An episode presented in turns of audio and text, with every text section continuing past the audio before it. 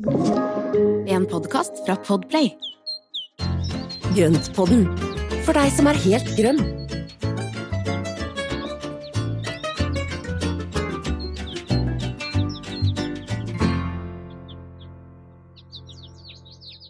Hallo og velkommen til Grønnpodden nok en gang. Hei, Espen. Hei Marianne, nå er vi i gang igjen. Disse ukene raser. Plutselig så er vi tilbake igjen. Det er bra, det. Ja. Altså, forrige gang så snakket vi jo om eh, å gjøre litt plantekupp, eh, nå som det er litt eh, rimeligere priser rundt omkring. Og så Mm. henger jo på den måte denne episoden her som handler om stauder, sammen med det. For det har jo noe med det å, å Ja. at dette her er jo et fint tidspunkt å fornye uterommet med sesongens uh, seire og tap friskt i minne. og også kanskje mens man fortsatt har liksom disse Ja. planene for neste sesong også litt sånn foran i, i hjernen. Det var vel litt utgangspunktet ditt for at du tenkte at det her er et fint tidspunkt å snakke om stauder, og da spesielt liksom Ja, det, det å det så er det. dele og flytte på dem. Og det henger også litt sammen med at nå driver jeg og graver både her og der i hagen, for at det, det driver og anlegger nytt bed og driver og graver ut noen andre ting, og da må det Mm. også flyttes. Det er jo en del ganger man gjør endringer i hagen, og da er jo høsten en kjempefin tid til å akkurat gjøre det, for at da er jo da er det ikke så mye stell Mm. med plantene Litt- lenger. Så derfor så er det veldig fint å flytte på de da. mindre hektisk. Det er litt sånn også, man kan ha litt overblikk Ja. og rydde litt og Det er litt som også å vaske i bokhylla når man har tid. Ikke at det skjer så fryktelig ofte hos meg, jeg vet ikke hvorfor jeg tok frem det eksempelet i det hele tatt. Sånn overskuddsprosjekt er på en måte, at du må ha litt ro, og så da kan du se på hvilke stauder Ja. som skal stå hvor og sånn, når du ikke driver og skal klippe av blomsterhoder og klippe plenen hele tiden og sånn. Ja, ikke sant. Og det er jo det vi snakket om her tidligere også, at det er jo, det er jo hagen går jo litt til ro Mm. på høsten, og da, da er det litt annet tempo, og da er det også tid til å gjøre andre ting. Plantene har jo også gått Mm. litt i ro. Jeg vet jo, nå har vi vært så flinke, ja. vi har gått så rett inn på temaet, Espen, så nå, nå det har liksom, synes vi er veldig effektive i dag allerede, men vi skal se da, vi klarer sikkert å snakke oss litt eh, ut i det fjerne allerede eh, en eller annen gang i løpet av den episoden, kjenner jeg oss rett. Jeg tenker før vi begynner med liksom alt det praktiske og sånn, så kan det være greit å ta en runde på hva som egentlig er en staude, og hva som ikke er en staude. Altså det er jo, ja, Mm. vi har jo snakket om det før, men det er greit med en liten oppfriskning. Ja, Nei, men det er, det er jeg helt enig i, og det som kjennetegner en staude er jo at den visner ned på vinteren. At det er en plante som står, altså den står på et sted, og den visner ned hvert år, tåler da en god del frost, men om vinteren så er det ikke noen plantedeler som er over Mm. bakken. Det vi da tar inn av pelargoner og fuksia og sånne ting, det er jo ikke stauder. Det er jo da planter som vi bare sørger for Mm. at de klarer å overleve gjennom vinteren, og så tar vi de ut igjen. En staude er jo da en stedbunden plante som står ute og visner ned, og, og det er jo eksempel på det, er jo sånn som hosta og brunera, eh, høstanemoner, eh, Floksen. ons og weiter, ja, flok, høstfloks, nå stoppa det litt opp her, plutselig Det er egentlig de plantene som tåler et norsk, eller nordisk klima året rundt, da. Ja, det er jo det. Og så har du jo også noen av disse her vårblomstrende småstaudene som er kjempefine, og da har du nederlenderbukser og eh, Fantastisk navn. Nå lurte du på hva det er. Så det. Nederlenderbukser. Eh, Ja, hva er det? Det er en eh, liten tass som er i slekt med, med løytnantshjerte. Mhm. Kjempefin. Den blomstrer sånn april-mai, og så visner bladene ned etter blomstringen. Ja, nederlenderbukser. Og samme med disse her anemonella talektroides, det er en bitte, bitte små søte blomster som da blomstrer sånn mai-juni, og så visner bladene ned Da Så sitter mange rundt oss og hører på, så sitter de og niskriver ned sånne nederlenderbukser, og det blir mye rart. Sånn, hvis, du, vi har noen, hvis, hvis vi har noen bilder, jeg sier vi, men jeg mener altså Espen, Det har vi. så, så skal vi prøve å huske på å legge det ut, syns jeg. Særlig Ja, men det skal vi gjøre. nederlenderbuksene. Ikke underbukser, som jeg akkurat sa nå, men Ja. eh, det var bare min skitne hjerne. Og det er Nei, så Det er jo veldig fine stauder, men det, det som er litt å tenke på med de som blomstrer tidlig og er i gang da på våren og blir borte, det er at da bør det merkes hvor de har stått. For at de mister altså Mm. bladene sine, og etter at de har mista bladene sine, så er det veldig vanskelig å huske hvor de er Ja. og finne de igjen. Så hvis de skal deles, så er det lurt å gjøre sånn når bladene er i ferd med å visne ned, når du da ser de. Ja, så det er bare et lite tips på, på de, de som er vårblomstrende Mm. eller tidlig blomstrende, og som hvor bladverket blir borte. Men hvorfor skal Nå syns jeg egentlig vi vet hva stauder er, nok en gang. Eh, men, eller forresten, men sånn som Mhm. hortensia sånn, er det en staud, eller jeg busker noe annet igjen? Nei. Nei. Nei. Og det betyr at hortensiaen den visner det jo ikke sant, ned. det. Så der har du jo, der har du jo pinnene som står opp, og, de, eh, og så skyter den da på fjorårsvekst. Ja, akkurat. Ja, nettopp. Så den begynner ikke fra scratch. Og dermed så Mm. Nei, og dermed så er det ikke stauder. Pioner derimot, Ja. der er det jo Mm. stauder. Så de er jo De visner jo helt ned. Hvis, men ikke trepioner. Nei. For trepioner de vokser jo da med en stilk, og etter hvert så får du en lite, liten Ja, busk ut av ja. det. Ok. Ja, men nå begynner jeg å se tegninga. Mm. Ja, men så bra. Nei, for det er jo nettopp de som da visner ned, og som da er usynlige. Det som er fordelen, er at da behøver du ikke tenke på Mm. snømengder og sånne ting, for at det, alt som av vekstmateriale, eller av nye vekstpunkter, de ligger jo under jorda eller nedi, nedi Mm. jordoverflaten. Så det er jo ikke noe som Nei, brekker ned eller knekker av snø eller Enkle sånne ting. planter så det sånn sett, da. Mange fordeler. Enkle planter, og de krever ofte lite og Mm. gir veldig mye. Vi liker stauder. Det liker vi, og det Ja. liker vi veldig godt. og det som også er med staudene, er at du får jo stauder som blomstrer altså nesten hele sesongen. Altså fra tidlig, tidlig vår og helt til siste slutt. Sånn som høstormedrue er jo en av de siste som eh, blomstrer av med høye, hvite spir. Kjempefin og lukter fantastisk. altså, er, hvor har jeg gjort av ark og papp... Altså, jeg skulle skrevet ned alt det her. Hva, het, hva het det siste? Ormedrue? Høstormedrue Herregud, hvor mange planter finnes her, da? finnes Ja. Mm. Ja, det er mange. Det er, og den finnes også i en da med, med burgunder bladverk, og mot de hvite blomstene så er den helt Mm. rå. Åh, det hørtes veldig Mm. fint ut. Ja. Ok, nei, nå er vi ute og svever litt igjen, for jeg må bare som jeg, Det Ja, er det bare så mange navn, men ja. Eh, jeg skriver opp etterpå, jeg. Ja.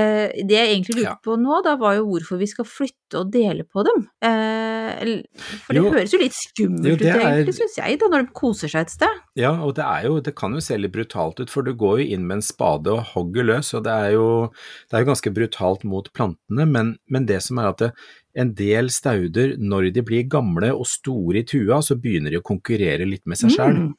Eh, og det gjør at det da Altså, de har godt av å bli delt opp, de har godt av å bli fordelt utover, og i tillegg så er det veldig hyggelig å kunne dele ut da til er venner og familie. Mm. Så det er liksom bonusen i det.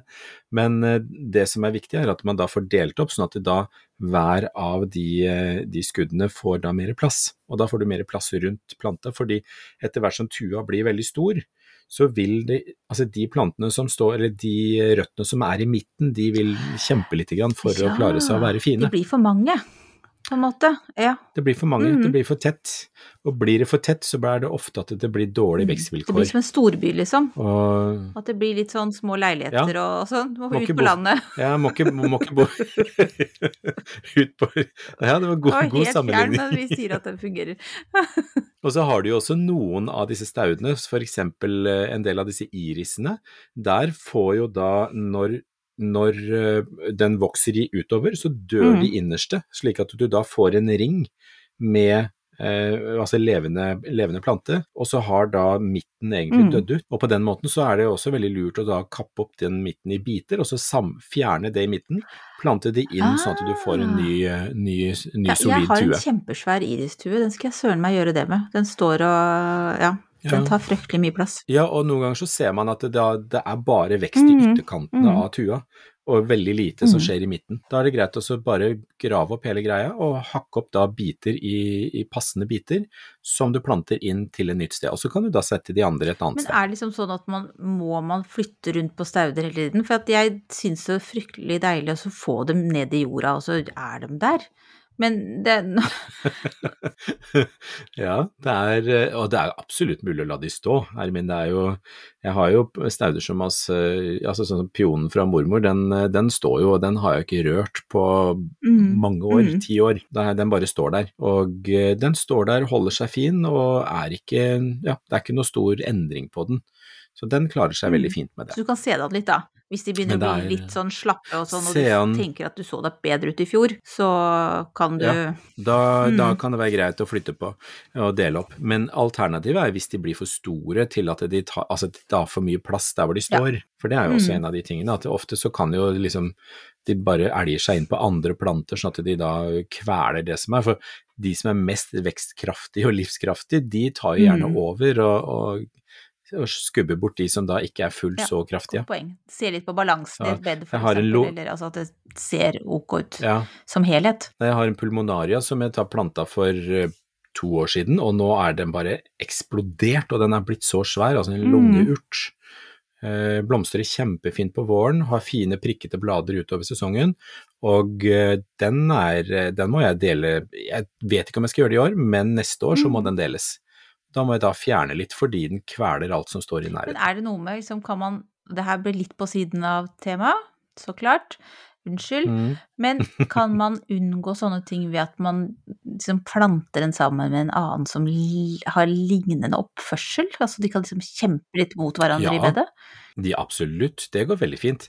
Men det er liksom det å finne Mhm. de som da trives så godt, og som har så, kan vi se, lik Ja. vekstkraft. Mm. At man da trenger noen som da faktisk kan Mhm. stå imot. For det er jo litt sånn som vi snakka om da, dette med, med snille stauder som hjelper til med å ta Mhm. ugress og sånn tidligere, ikke sant. Det er jo egentlig samme metodikken med at du da planter inn noe som da Ja. kveler det andre. Og da kan du bruke stauder som har den kraften til å dekke Ja, over så en snill andre. staude i ugresssammenheng kan også være en litt bøllete staude i, i bed. I, Ja. I et bedsammenheng. Vi har alle flere sider, Espen, Så så, sånn er- er det bare. Det er noe med det. Men hvorfor gjør vi det nå? På denne tiden av sesongen? Eh, altså, man pleier ikke å gjøre det her på våren, eller gjør man Eller midt på sommeren? Du kan gjøre det Jo, nei, ikke på midt på sommeren. For at midt på sommeren, da er de i full vekst, og da, da krever røttene, eller bladene krever at røttene er i full Ja, funksjon. Mm -hmm. Uh, slik at de da klarer å holde veksten i gang, og ikke minst trekke opp nok fuktighet til Ja, bladene klart, når veksten ja. skal foregå. Eh, hvis man gjør det på våren, så bør man ta deler dele før de begynner å vokse. Akkurat når jorda har blitt tælefri og begynt å bli varm, da kan du ta og, og flytte og dele lite grann. Men, eh, og, det, og det fungerer helt fint, for da har de ikke bare kommet Mm. i gang ennå. Så alternativ to er å gjøre det nå på denne tiden av sesongen, fordi da ser vi bladene, vi ser hvor mye plass de tar, og det er Altså, plantene har nå gått i ro for vinteren Mm. stort sett, og september, begynnelsen av oktober er fin tid å gjøre det på. Så da rekker også plantene å etablere litt nye røtter før den da går inn i vinterdvalen, eller inn i Mm, vinterperioden. Smart. Så, og det er litt sånn som vi snakket om sist også, at det, akkurat på den tiden her så ser vi ofte feil og mangler og hva som ikke funka i bedet, hvor hullene er, hvor man har lyst på noe Mm. mer, ikke sant. Ja, det er veldig lurt tidspunkt. Og så- så er det litt det med at du føler jo jeg føler at jeg har litt bedre tid nå enn det jeg hadde på, på, midt på sommeren, der liksom alt bare vokser i alle retninger og det blir litt sånn gæren. Eh, jeg har litt mer sant? oversikt nå. Og våren Ja, er jo for hvert. Ja, og våren er i hvert fall travel. Da skal jo alle disse frøplantene og stiklingene og gud veit alt mulig rart ut og inn og vet ikke hva, og da blir det travelt. Så det å huske på å da flytte eller dele på en staude man ikke har sett siden i fjor, Nei. nei. Det skjer ikke, vet du. Det funker ikke helt. Nei, så derfor så er høsten fin tid, for at det, ting er i litt annet tempo, og det er lettere å finne.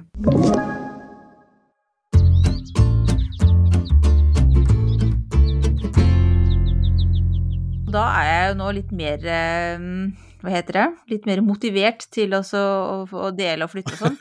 Altså det er to forskjellige ting da. Eller må man alltid dele og flytte, eller kan man bare dele eller bare flytte? Du kan gjøre alt hva du vil. Altså du kan dele, du kan flytte, du kan gjøre begge deler eller ingenting.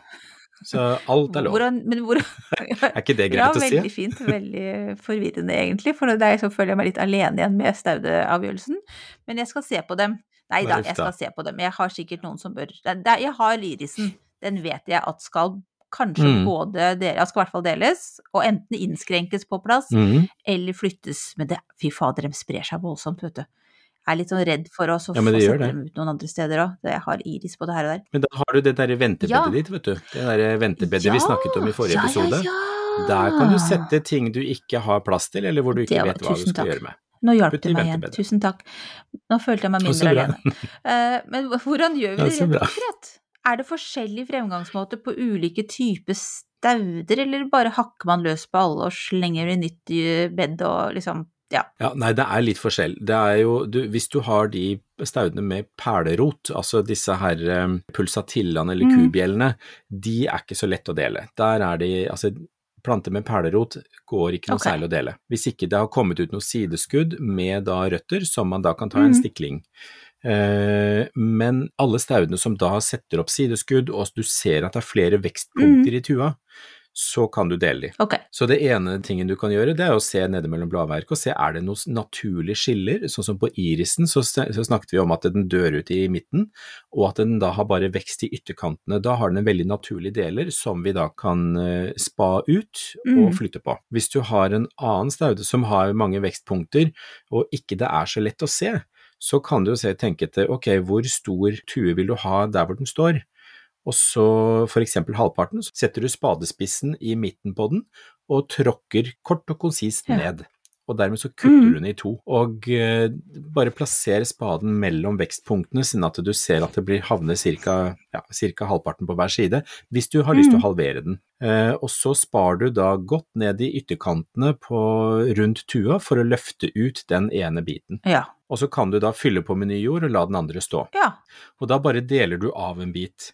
Hvis du har lyst til å dele den opp i flere biter, så er, kan det være lurt å bare grave ned på alle kanter, ja, jeg vet ikke, rundt et staude så vil jeg si en eh, 20 cm eller noe sånt, for å få med mest mulig rotklump og løfte den opp.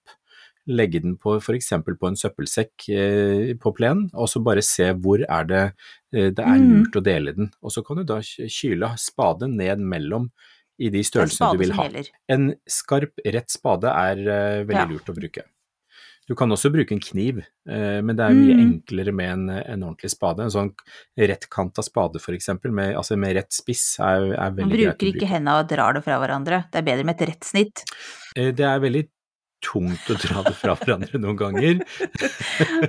Så de fleste plantene syns det er, eller klarer seg helt fint Mm. med et rett snitt.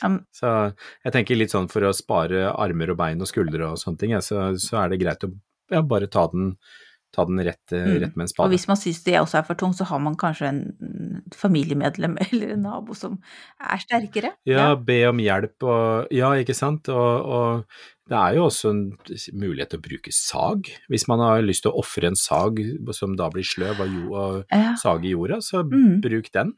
Så, så jeg tenker at det er, det Mm. er flere muligheter. Så det er bare det å få delt den. Så en stor staude kan du fint dele da i to eller tre eller fire eller Mm. enda mer hvis det er en Mm. veldig stor en. Så dermed så kan man bare plante den litt forskjellige steder, og så det du ikke har bruk for selv, putter du i potter, og så gi bort til Ja, nabo og venner. Det er koselig, da. Det er litt den der Mm. delingsbiten av det med å holde på med hage. Men er det Ja, og det var jo sånn man bygde opp hager i gamle Ja. dager, var jo at man delte og fikk og bytta og, og Mm. ordna, ikke sant. Det er jo det som det det, og det syns jeg er ja, det er en eh, kultur som man absolutt, må ta tilbake igjen. Det er liksom hyggelig å skape disse bånda oss imellom. Um, men Mm. da gjelder da etterpå å bare slenge på masse god jord, og så vanne, så liksom røttene Mm. får eh, masse godt med jord rundt seg, ikke sant? Det er derfor man vanner veldig intenst etter Ja. at man har planta noe, er det ikke sant? Ja. Det som også er fint med å flytte på høsten, er at da er det mye mer stabil Mm. fuktighet både i lufta og jorda, ikke for høy temperatur, plantene vil ikke, altså det fordamper ikke så mye fra bladene lenger, og, og alt dette her, det gjør at plantene har en mye, mye mer stabil Eh, mye mer stabilt forhold for, for mm. å utvikle rødt Ja. Og det er jo en av de fordelene som er med høsten fremfor vår og sommer. ja, nå fikk jeg veldig lyst til å gå ut og så dele opp den irisen. Ut og Jeg sitter spa. sånn, og så sitter jeg sånn og tenker at hvor mange biter blir det her?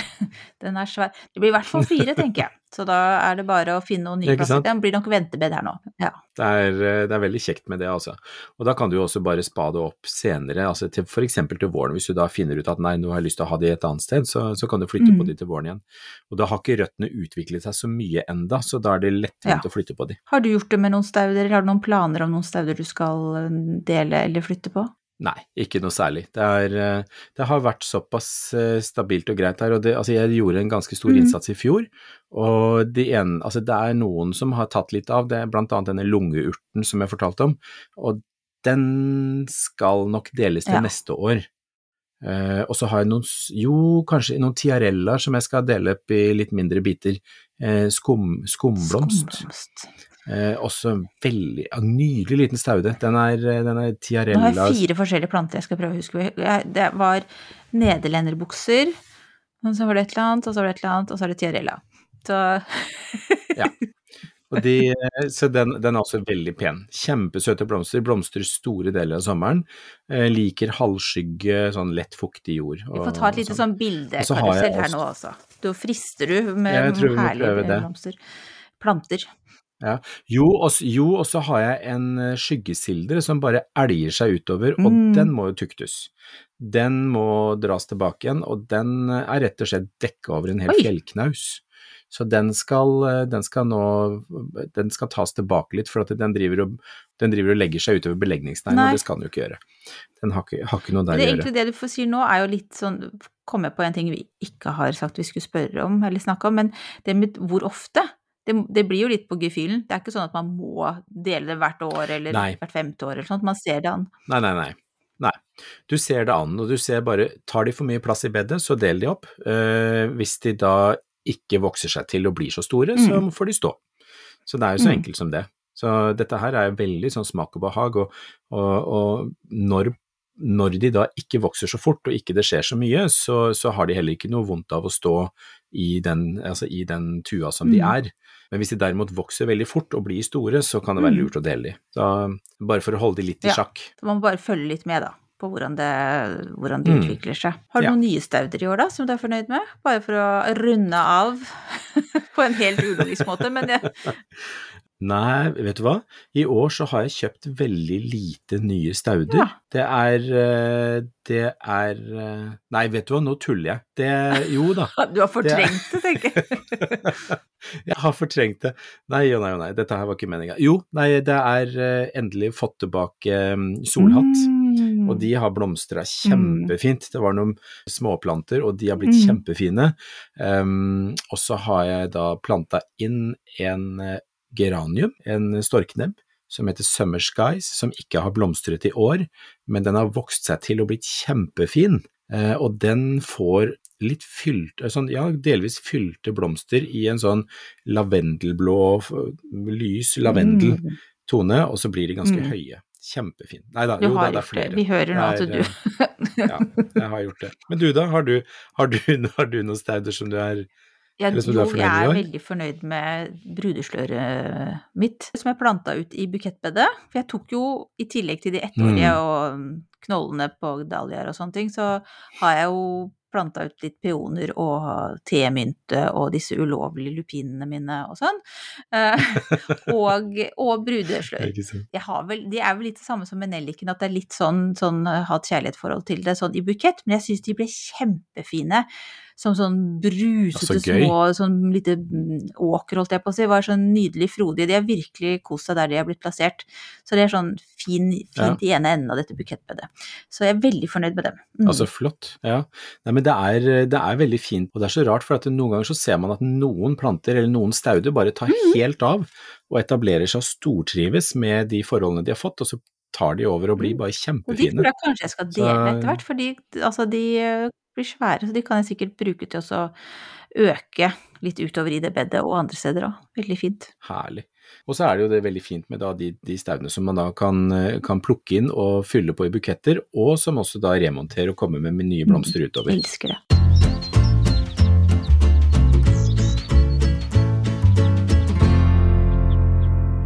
Espen, Espen, ukas plante. Hva er det vi har her? Nå ser jeg på våre felles notater, og du vet at det er, det er liksom en del ord som bare liksom går rett over huet på meg. I dag har vi en som heter Stafelia lederziane cristata grandiflora. Jepp. Nei, det er eh, det, Ja, ikke sant. Det var gode notatene mine. Ja, men eh, det er, dette her, det er en ordensblomst, blir den kalt fra gammelt av, og det er en stafelia. Eh, og det er en Jeg sådde en grandiflora for mange, mange år siden, og den har jo nå etter hvert blitt flere nye planter, og den har blitt fornya og sånne ting, men den eh, vi hadde mest lyst til å få fram, det var den som heter Lendertiae og den ble tidligere kalt Cristata. Oh, jeg syns det var mye ja. enklere. Jeg vet ikke hvordan, den, eh, hvordan man helt uttaler det nye navnet, men den heter Stafelia cristata tidligere. Og igjen så må vi tilbake til Sør-Afrika med da alle de gøye plantene som er der nede. Og dette her er en, det er en ganske stor familie med mange varianter av Stafelia, men du har jo også en veldig lik en som heter Huernia og noen til. Altså det er, eh, og de er krypende jordstengler som da kryper rundt, og så slår de røtter ned i bakken under seg med da i en sånn grusblanda jord, Mm. er veldig fint på de. Så de skal ikke være for fuktige, de skal ha det veldig sånn godt drenert rundt røttene, men det som er gøy med de, er jo ja, vekstformen er jo gøyal den, men blomstene lukter altså så Å styggvondt. nei, er det en av dem igjen, ja? De sånne stinkersene? Ja, de, lukt, ja, de lukter altså så inn i granskauen. De lukter som råttent kjøtt, og du får liksom Å, det er så Nesehåra vrir seg altså når du da Men de ser jo helt fantastiske ut, så det, ja. Det er sånn klype Ja. på nesa, da. På bildet så er de kjempefine. Ja, og det er jo rett og slett for at de, altså deres bestøvning blir jo gjort av fluer, og det er for å tiltrekke seg fluene, så er, lukter de mest mulig vondt. Og altså, blomsten er helt eventyrlig, og sånn som på grandifloraen så er jo hver blomst, ja, med, ute i spissene så er den rundt Oi. 10 cm i diameter, og uh, hårete som rakkeren. Den der åpner blomsten seg helt, ikke sant, sånn at du da får liksom, den brett, bretter seg Mm. nesten tilbake igjen. Mens på denne kristataen så er det klokkeforma blomster. Og det er liksom som de andre huernia Mm. som jeg snakket om, som har små klokkeforma blomster. Luk, lukter like vondt altså, men, eh, men den er helt, helt magisk. Så gøyal, lettstelt, klarer seg inne i en vinduskarm uten for mye vann, og ikke så mye varme under, men sånn vanlig romtemperatur. Så Kjempefint. egentlig ganske sånn lettstelt blomst, da, faktisk. Veldig lettstelt for deg som da ikke er så Ja. glad i vannet. Den må tørke ut mellom Som Sånn tåler at det lukter styggvondt innimellom. Ja, men det er så kort, det er så kort tid, og det er liksom ikke så Man må ikke gå så tett Neida. på, eller sånn. Så det, jeg tenker det, det kan man leve med, det, eller det, det, er verdt, det er verdt lukta når de står i blomst. Så bra. Ukas spørsmål, apropos blomst, blomstring, georginene, som vi nå alle i år har eh, kost oss med. Jeg føler at vi har vært med på sånn altså georgineløft, kan vi vel si. Selv om vi er jo, det er jo mange av oss som har holdt på noen år, men jeg er jo første året for meg, så jeg syns jo liksom at eh, plutselig så ser jeg georginer overalt, jeg. Og, ja. Ja. Og vi har jo fått med oss en del de jo på det her kjøret. Ja, jeg, jeg håper det altså. Og de har jo fått en renessanse mm. de siste årene. Uh, og denne her Café Olé har jo vært en av de, altså tallerken-georginen som har, har også dominert mm. mye. Nå skal jeg fortelle en litt morsom greie som ikke har med spørsmålet å gjøre. Men jeg har jo da fått to feilmerka georginer. De skulle være en helt annen sort, og jeg fikk to Café au lait-georginer Oh. som står i full blomst. Og det skulle ikke være Café Olé, så gjett om ja, jeg var heldig. Jeg ser at du go- go- gosser, holdt jeg på å si der. Jeg ser rett på deg. Og jeg må jo si at siden jeg var litt seint er veldig- på georginekjøret, så fikk jo jeg det som var igjen i butikken. Så det har jo bidratt, i tillegg til at jeg da klarte å kjøpe noen frø som fikk helt andre farger på blomsten enn det det var meningen. Så mitt, jeg har, tror jeg har hatt det mest spraglete bukettbedet eh, hos noen. Så jeg har jo sånne, sånne Ja, så ordentlige rosa-lilla Jeg husker ikke hva det heter for noe, men eh, de som virkelig dominerer, disse tallerkengeorginene som har tatt helt av. Og det er liksom kanskje ikke den fargen Ja. jeg selv ville egentlig valgt, men jeg er veldig glad i dem lal. Så det går bra. Ja, men, Men så bra. gå Nei, men det er, det er gøy, det er gøy med Ja, tivoli også. Men du, skal vi ta, skal vi ta spørsmålet, da? Jo, for skal man gjødsle og vanne fortsatt, er det noen som lurer på. Jeg òg, jeg lurer også på det. Ja, men så bra. Jo, det skal man. Og det som er at det, altså georginer og alle sommerblomster, dette her har vi egentlig snakket litt om før også, men alle sommerblomstene, eh, inkludert georginene, de kan få gjødsel og, og næring hele veien fram til frosten okay. kommer. Og det er rett og slett for at de skal ikke prestere, altså de, nei de skal ikke, de skal prestere. De skal levere blomster, de skal levere og få krefter til å dra fram de siste knoppene de har. Og eh, sommerblomstene, det spiller jo ikke noen rolle, for de skal jo Mm. bare visne ned, og så hiver vi de på komposten. Men sånn som georginene, der trekker de ikke så mye av næringen tilbake til knollene. Sånn som med andre løkplanter, de lar man jo gjerne stå til de har fått en frostnatt eller to, eh, dette her gresset over blir litt svart, og så klipper man det ned, og så graver man Mm. opp knollene. Og Det betyr at de skal egentlig bare ha mest mulig og best mulig vekst hele veien for å utvikle knoller, bladverk, knopper og også blomster. Så fortsett å gjødsle. Gud, Takk. Hva gjør du nå, da, i tillegg til at du koser deg med georginene dine og diverse annet? Og gjødsler og koser meg, så det Nei, jeg har begynt å grave.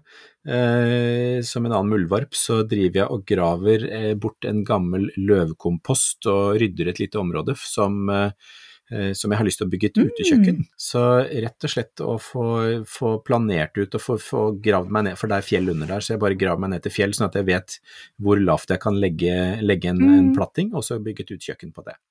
Så utekjøkken på plass, og så driver jeg også og gjør klart vintertanken for fiskene. For den eh, må jo nå et, altså renses og fikses, og så må jeg sette i gang slik at det da blir riktig bakteriekultur i filteret, at man bare bygger opp bakteriekulturen i filteret slik at det passer eh, med fiskene som skal ned der nå i, i starten på Ja, det er ikke så lenge til, nei. Nei, da forstår jeg at du er på tide. Nei.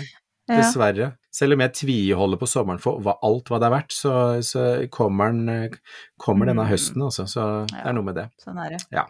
Så det driver jeg med. Men du da, Marianne, hva driver du med? Uh, ja, jeg driver jo med denne verandaen og alt det som jeg nevnte sist gang, og oljer uh, denne, hva skal vi kalle det, denne ruinen av et eh, drivhus, uh, i håp om at vi skal Jeg er veldig spent, veldig spent på å se hvordan det, det blir, er altså. egentlig jeg og Espen. Uh, nei da, det blir bra. Det blir bra. Men det jeg egentlig uh, har gjort, liksom, gjør akkurat nå, er jo det Jeg er litt seint ute kanskje, men jeg driver med frø. Og samler litt Nei, Nei, det er ikke litt sent. tomater og litt, uh, litt ymse. Jeg er jo så gammel at jeg syns jo egentlig ikke at disse strå og tørkede blomstgreiene som alle holdt på med liksom, de siste åra, kjente jeg at jeg bare liksom så for meg de der eh, tørka rosen som lå på toppen av et uh, luta treskap og støva ned. Så jeg, men, men så jeg overraska meg sjøl med at jeg liksom måtte plukke inn noen av disse Å, de hortensiaene, vet du. Hva heter de igjen? De der hvite Vi, Ja, Vierhorten- vierhortensiaene. Vierhortensiaen, det er den som er Ja. litt ja, flat. Så, så dem har jeg hengt opp uh, uh, i taket på kjøkkenet. så det Så gøy. Ja, de ja, blir Så det er litt sånn jeg går rundt og ser på hagen med nye øyne. Jeg tenker bare det kunne være gøy å gjøre det, men det kunne vi egentlig snakke litt om Mm. kanskje en gang også, litt sånne ting. Det, det var jo Ja. Vet du hva, det kan vi gjøre. Det var, altså, for det er egentlig ganske mye spennende man kan tørke fra hagen, og det å ta det nå, fordi det er sånn Når du da tar hortensiaen nå istedenfor å ta den tidligere på sommeren, så er celleveggene mye sterkere og Mm. hardere, og da har de liksom blitt mer Mm. modne. For at hvis du hadde gjort det samme f.eks. rett etter at de hadde liksom kommet seg opp og, og blomstra, så ville det kollapsa, og så blir det, blir det bare en sånn ja, bare Mm. vissen haug. Men fordi, fordi celleveggene har modnes, og at de da har fått blitt sterkere, så klarer de å holde fasongen også når de tørker. Det var et veldig interessant poeng. Så det er liksom forskjellen på ja, så det er forskjellen på å gjøre det, gjøre det nå kontra tidligere, og det samme gjelder en del andre blader og ja, andre blomster og blader Det her blir en avlegger. Så Det her må vi snakke mer om. ja, i hvert, ja, Ja. hvert fall en avlegger. Så ja, Yes. det skal vi gjøre. Vi kommer tilbake med mer. Hva er det vi skal snakke om neste gang, da, Espen? Vi må nesten eh, fortelle om det før vi takker for oss. Nei, da neste gang så skal vi ta for oss høstløk, og eh, litt av alt det man kan plante, og litt hvordan, og ja, nei, egentlig litt forskjellige tips og råd rundt Mm. dette med høstplantingen, som skal gi da blomstring utover våren og forsommeren og sånne ting Mm. neste år. Ja, det blir herlig. Det er lov å drømme, altså vi kan begynne å drømme om Ja, det neste år syns nå. jeg absolutt. Jeg gleder meg veldig til å lære litt om liksom, når og hvor og hvordan. Alle disse alle spørre, Mm. spørreordene skal vi ta for oss når det gjelder høstløk. Det blir bra. Ja. Ja, så bra. Men fram til da så sier jeg ha det bra, jeg. Ja. Og vi, vi snakkes om en uke. Ja, det gjør vi i like måte. Tusen takk for i dag. Ha det.